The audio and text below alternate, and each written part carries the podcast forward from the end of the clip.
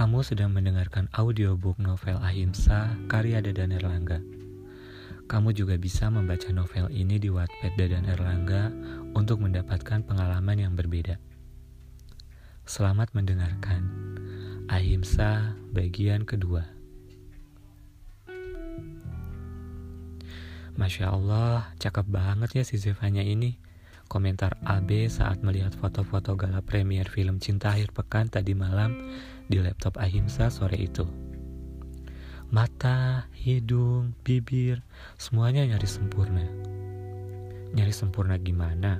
Timpa Andra. Orang dia udah mentok sempurna gitu. Zevanya baru bisa sempurna kalau dia jadi pasangan hidup gue. Jawab AB, antara terlalu percaya diri atau halu. Kalau kayak gitu bukan sempurna namanya, tapi sempurna. Toyor Andra. Sirik aja loh, balas AB. Ahimsa yang baru masuk kamar dengan membawa tiga buah teh kotak dingin dan dua bungkus besar lace rasa rumput laut hanya tersenyum simpul mendengar pembicaraan kedua sahabatnya. Wah, jadi nggak enak nih. Kita yang minta tolong, malah kita yang dijamu kayak gini ungkap AB sambil menusukkan sedotan ke kemasan teh kotak, lalu menyesapnya. Hah, segar. Thanks him. Besok makan siang kita di kampus dibayarin si AB. Ujar Andra yang disambut dengan sungutan AB. Sip, sahut Ahimsa sambil tersenyum. Ayo, sekarang kita mau nonton film apa dulu nih?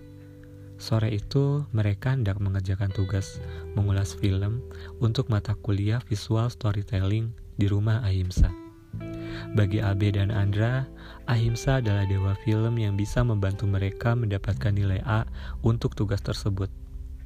Film yang diulas boleh sama, tetapi mereka memilih film yang berbeda supaya tidak dituduh saling menyontek. Usai maraton dua film sekaligus yang total durasinya hampir tiga jam itu, Abe dan Andra malah ketiduran, alih-alih menulis ulasan. Lelah sepulang kuliah, cuaca mendung, kamar ber-AC, serta suguhan tambahan berupa mie goreng telur ceplok buatan Ibu Ahimsa merupakan perpaduan sempurna untuk meninabobokan Abe dan Andra. Ahimsa membiarkan mereka tertidur di karpet empuk miliknya.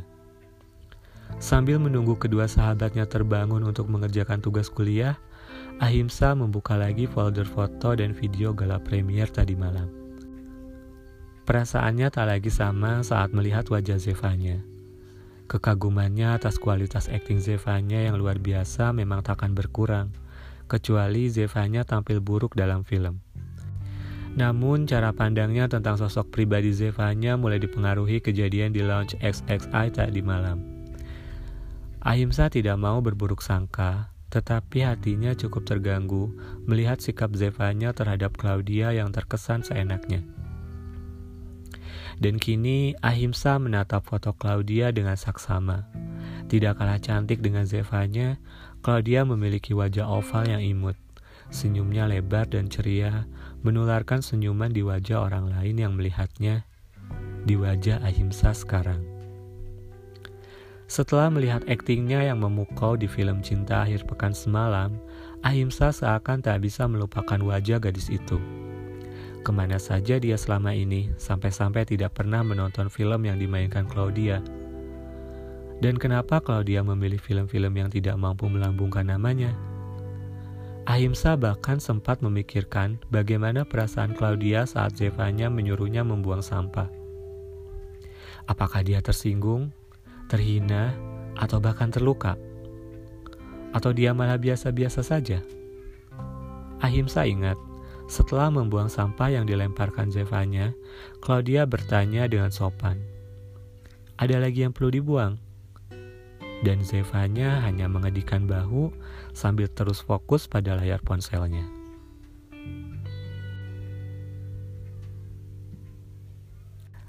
Ahimsa mengerjap-kerjapkan mata tak percaya dengan penglihatannya sendiri. Bisa jadi objektivitas matanya mengalami gangguan gara-gara dia maraton menonton empat judul film yang pernah dibintangi Claudia, plus sering stalking Instagram Claudia yang baru dia follow. Gadis yang wajahnya terlihat mirip Claudia itu kini berdiri beberapa langkah saja di hadapannya. sedang memilih-milih novel di rak toko buku. Dia berjalan mendekati gadis itu sambil berpura-pura sedang memilih novel. Semakin dekat, semakin tak berjarak. Dan wajah gadis itu tak berubah, tetap terlihat mirip Claudia Amanda. Jantungnya mencelus ketika tiba-tiba saja gadis itu balas menatapnya dengan mata terbelalak. Ahimsa berusaha stay cool, dan itu memang salah satu keahliannya. Dia lantas mengalihkan pandangannya dari sosok gadis yang ternyata memang benar-benar Claudia Amanda itu ke arah lain. Astaga, tiba-tiba Claudia memekik. Buku-buku yang sedang dipilihnya berjatuhan dari rak dan tangannya. Refleks, Ahimsa berpaling kembali kepada Claudia, kemudian membantunya memungut dan merapikan buku-buku tersebut. Seandainya bisa mengintip takdirnya seperti melompati halaman-halaman novel dan langsung membaca bagian terakhirnya, mungkin Ahimsa tidak akan bersedia memberi bantuan kecil itu. Mungkin dia akan berpura-pura tidak mendengar dan akan terus berjalan menjauhi Claudia, atau bahkan mungkin dia tidak akan pernah pergi ke toko buku pada Sabtu sore itu, supaya mereka tidak pernah berjumpa dan memulai kisah mereka dari sana. Namun, mungkin juga tidak. Ada beberapa novel yang akan tetap dia baca, dan beberapa film yang akan tetap dia tonton dengan saksama, meskipun dia sudah tahu ceritanya akan berakhir seperti apa. Ada kalanya perjalanan memang lebih penting daripada tujuan.